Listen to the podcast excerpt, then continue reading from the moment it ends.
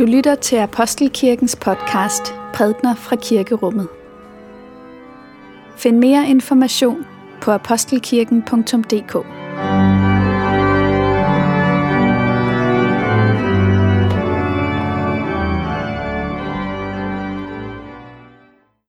Godmorgen og velmødt til anden juledags gudstjeneste. Anden juledag kaldes også Sankt Stefans dag, og vi skal høre beretningen om kirkens første martyr, Stefanus. Temaet for gudstjenesten er at leve med håb. Men lad os nu først lytte til bedeslagene, mens vi forbereder os på gudstjenesten. Denne hellige lektie skrives i Apostlenes Gerninger. Fuld af noget og kraft gjorde Stefanus store under og tegn blandt folket. Da trådte der nogen frem af dem for den synagoge, der hed de frigivnes, kyrenæernes og alexandrinernes synagoge, og nogen fra Kilikien og provincien Asien, og de kom i diskussion med Stefanus. De kunne dog ikke modstå den visdom og ånd, som han talte med. Så de fik i al hemmelighed nogle mænd til at sige, vi har hørt ham tale spottende om Moses og Gud. De ophidsede folket af de ældste og de skriftkloge og kastede sig over ham, slæbte ham med og førte ham for rådet, og de stillede med falske vidner, som sagde, denne mand taler ustandsligt imod dette hellige sted og imod loven. Vi har nemlig hørt ham sige, denne Jesus fra Nazareth vil bryde dette sted ned og forandre de skikke, som Moses har overleveret os. Da de hørte dette, blev de ramt i deres hjerter og skar tænder imod ham. Men fuld af helligånden stirrede Stefanus mod himlene, og han så Guds herlighed og Jesus stående ved Guds højre side. Og han sagde, Nu ser jeg himlen åben, og menneskesønnen stå ved Guds højre side. Da skreg de højt, holdt sig for ørerne og for alle som en løs på ham. De drev ham uden for byen og begyndte at stene ham. Vidnerne lagde deres kapper ved fødderne af en ung mand, der hed Saulus. Så stenede de Stefanus, mens han bad, Herre Jesus, tag imod min ånd. Han faldt på knæ og råbte med høj røst, Herre, tilregn dem ikke denne synd. Og da han havde sagt dette, så han hen. Amen. Lad os bede. Må min munds ord og vores hjerters tanker være dig til behag, Gud. Amen. Anden juledag, Sankt Stefans dag, er unægteligt dagen derpå. Vi har haft julefejring. Vi har hørt de her vidunderlige beretninger om Jesus, der bliver født, og, og hyrderne, der kommer ind ude fra de mørke marker for at tilbede barnet. Og så går der en dag, og så siger det bang, og så er modstanden der. Nu er det ikke længere en omverden, der bliver tiltrukket af Kristus og hans folk. Nu er det en omverden, der er fuld af modstand mod ham og mod hans budskab. Det er i dag, vi hører om den første kristne martyr. Og øhm, det spørgsmål, vi skal stille os selv i dag, det lyder sådan her.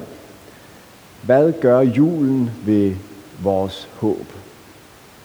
Hvordan kan vi leve i det håb, som julen giver os i en verden, som er fyldt af så meget andet? Hvordan kan håbet overleve? Så, og vi har altså lige hørt beretningen om Stefanus, som jo egentlig var diakon. Altså, vi husker beretningen om, hvordan der i, i apostlenes gerninger fortælles, at der på et tidspunkt kommer sådan en tjenestedeling. Der er apostlene, som skal holde fast ved ordet og bønden, men så er der så meget socialt arbejde omkring kirken, altså uddeling til enker og den slags. Og det, der var lidt udfordringer med administrationen af det, så man fik et nyt embede, man sagde, det er diakonerne, de skal tjene ved borgerne. Og en af diakonerne, det var altså Stefanus. Men det var ikke sådan at adskille tingene. Fordi Stefanus havde også et vidnesbyrd. Og det vidnesbyrd holdt han ikke for sig selv, det delte han også. Så øh, det er diakonen Stefanus, som på grund af sit vidnesbyrd om Kristus bliver kirkens første martyr. Og det, det, den tekst, vi har læst, det er sådan set indledningen og afslutningen af et længere afsnit. Og det, der ligger imellem, det er en lang tale, som Stefanus holder, hvor han gør rede for, hvordan Gud gennem hele historien har handlet med sit folk. Øh, når folket er kommet på afstand og har misforstået ham og kaldet det tilbage. Og så er det, at, at, at det vækker øh, vrede. Og Stefanus, han bliver omringet af mennesker, som vil ham det ondt. Hans vej frem og tilbage er blokeret. Der er ingen undvielsesmuligheder, og folk tager sten op i hånden. Og så er det, at Stefanus siger, nu ser jeg himlen åben, og menneskesønnen stående ved faderens højre hånd. Altså, I kan godt blokere vejen foran og bagud. I kan godt lukke mig inde. I kan tage sten op og tro mig. Men I kan ikke lukke himlen. For den er åben over mig. Og, og, og han siger ikke, nu er himlen åben. Han siger, nu ser jeg himlen åben. Så om det, det har den sådan set hele tiden været. Det er det, jeg tror. Det var det, som skete julenat for markerne ude på hyrden. Himlen blev åben, og englene viste sig. I en forstand så er de engle hele tiden været der. Ligesom himlen også havde været åben for øh, øh, Stefanus hele tiden. Men det var først i det øjeblik, at han så, at den var åben. Og så står der, at han så menneskesønnen stående ved Gud Faders højre hånd. Det er jo ikke helt det, vi siger i trosbekendelsen. Kan I huske, hvad vi sagde for et øjeblik? Der sagde vi, siddende ved Gud Faders højre hånd, hvorfra han skal komme at dømme levende og døde. Altså, Jesus han sidder normalt ved faderens højre hånd. Nu har han rejst sig. Han rejser for at tage imod sin ven Stefanus. Det er den vision, Stefanus har i dette øjeblik. Jesus han rejser fra sit sæde, og så siger han, så min ven, der er kun ganske få meter igen. Jeg er godt klar over, at det kommer til at gøre ondt det her, men jeg har rejst mig for at tage imod dig. Kom så, Stefanus. Det er det sådan, håbet, øh, julens håb, talte til øh, Stefanus i det øjeblik, hvor alting ligesom lukkede sig omkring ham, så var himlen åben. Og det er det håb, vi skal tale om i dag.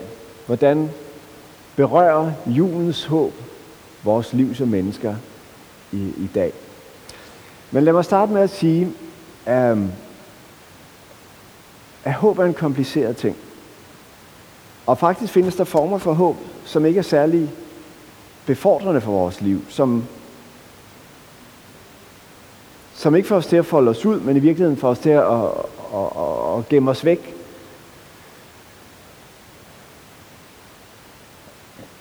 Måske nogle af jer har set den film, der hedder En verden udenfor.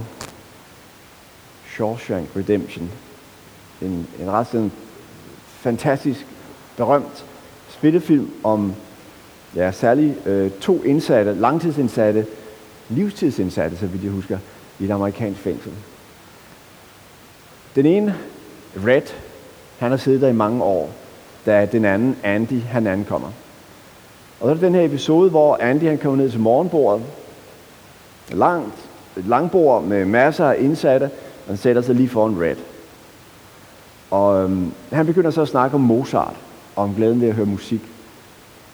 Og Red spørger ham ind til, hvad, hvorfor? Jo, siger han, fordi det minder mig om skønheden. Det minder mig om, at der er en anden verden end det her betonfængsel. Der er en verden udenfor. Og så ser Red på ham, og man kan mærke, at det han siger nu, det har vægt. Og så siger han, øh, håb, det er en farlig ting.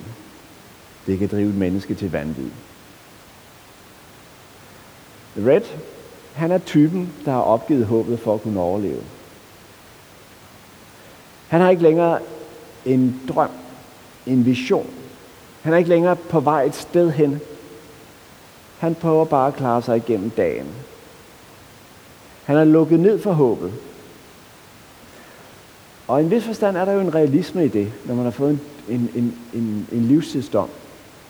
Altså, hvad er der at håbe på? Jeg kommer aldrig ud herfra. Nej, håbet kan være en farlig ting, fordi at det kan være med til at, at, at, at vække nogle, nogle længsler og nogle følelser i os, som måske aldrig kan blive opfyldt. Hvis man ikke har noget at bygge sit håb på, ja, så er er håb. Noget, som, som på en måde kan gøre livet ufatteligt smerteligt, og som kan føre os ind i usunde mønstre. Altså, spillegalskab er vel en form for håb, er det ikke? Altså, den her drift til, jeg vinder næste gang. Ikke? Og så bruger man sine penge, og man bliver ved at bruge den, indtil man, indtil man har spillet sig fra hus og hjem. De gamle øhm, græske og romerske filosofer, historikerne, de så på håb på den måde. De sagde sådan her, hvis du vil holde op med at frygte, må du holde op med at håbe. Og men man kan jo ikke løbe fra, at der er en vis indsigt i den øh, formulering. Hvis du vil holde op med at frygte, må du holde op med at håbe. Ikke fordi det var jo, hvis vi går tilbage til de to, den lille dialog der i fængslet, så var det jo det, Red havde gjort. Han, han var klar over, at hvis jeg begynder at åbne op for håbet om noget andet, om en verden udenfor, om en anden fremtid, så åbner jeg også op for, for frygten, for at det ikke bliver sådan. Og den frygt, den kan være en meget tung byrde at bære på, og den kan være med til at, at, at, at ride mit liv som en mare. Så derfor er det bedre ikke at åbne op for håbet. Bedre bare ligesom at se tingene i øjnene, som de er, og ikke drømme om noget som helst andet. Ingen åben himmel, ingen åben fængselsdør. Accepter tingene, som de er, færdig. Øhm, Seneca, en af de store øh, romerske filosofer, han brugte et billede, han siger, Ligesom soldaten er bundet til fangen med den samme kæde, sådan er frygten bundet til håbet. Det er et meget indsigtsfuldt billede, synes jeg. Altså, soldaten, han er jo i princippet fri. Fangen, ja, han er i sagens natur fange. Men, øhm, altså, vi, det, var, det var en anden form for fodlænke dengang. Det var sådan en, en soldat var bundet til det samme lænke øh, som den fangne. Og i virkeligheden er soldaten også bundet. Han kan heller ikke bevæge sig frit om. Han er lige så bundet som den fangne, selvom han i princippet er fri. På den måde siger han, er øhm, håbet, hvad skal man sige, dikteret af frygten. Der ligger frygt bagved håbet. Og derfor, hvis du vil, hvis du vil din frygt til liv, så lad være med at finde et eller andet, du kan håbe på. En eller anden vej ud. Nej, accepter tingene, som de er. Færdig. Så er du fri til at, at, at, at leve dit liv, i stedet for at, at, at, at leve i fremtiden og, i, øh, og, og gå og dagdrømme. Det var historikernes livsvisdom.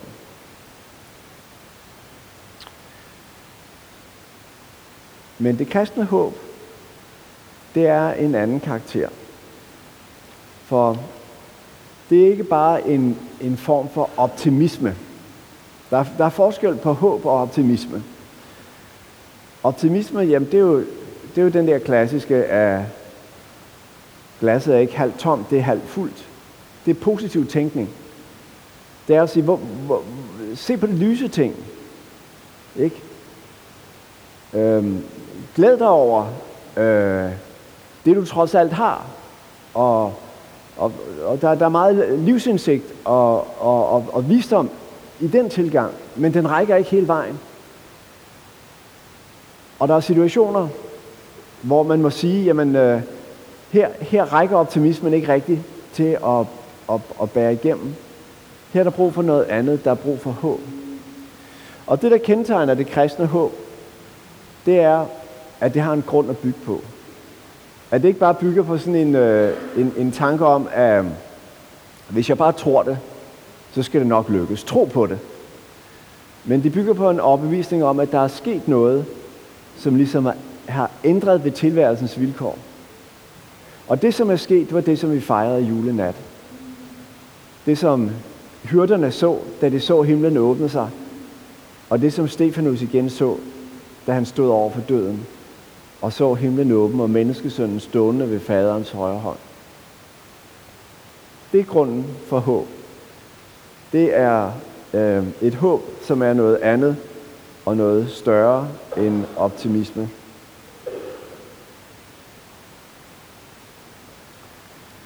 Hvis vi skal blive i øh, Senecas billede, altså billedet med fangen og soldaten, der er forbundne med den samme lænke. Sådan sagde Seneca, sådan er frygten og håbet forbundet. Vil du blive fri? Du skal holde op med at frygte. Du skal holde op med at håbe, hvis du vil holde op med at frygte. Øhm. Hvis vi skal beskrive den, det kristne håb, så må vi sige, det er et håb, som forbinder os med Kristus.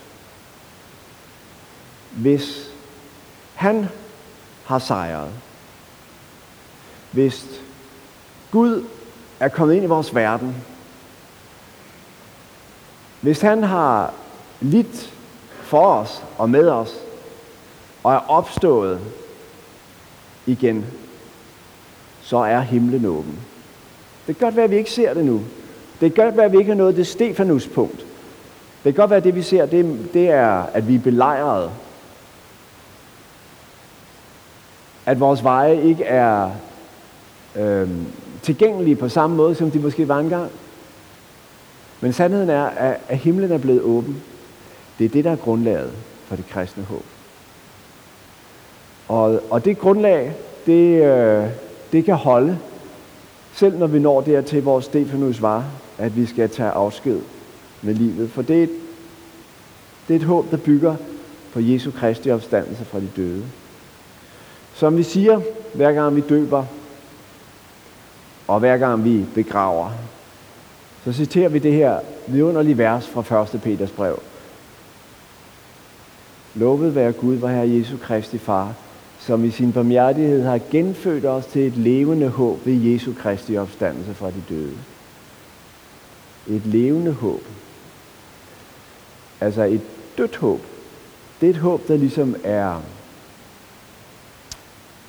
øh, hvad skal man sige, som er stivnet, som måske knytter sig til en eller anden ting, vi drømmer om skal ske.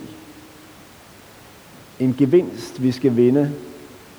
En uddannelse, vi skal få. En kvinde, en mand, en hvad som helst.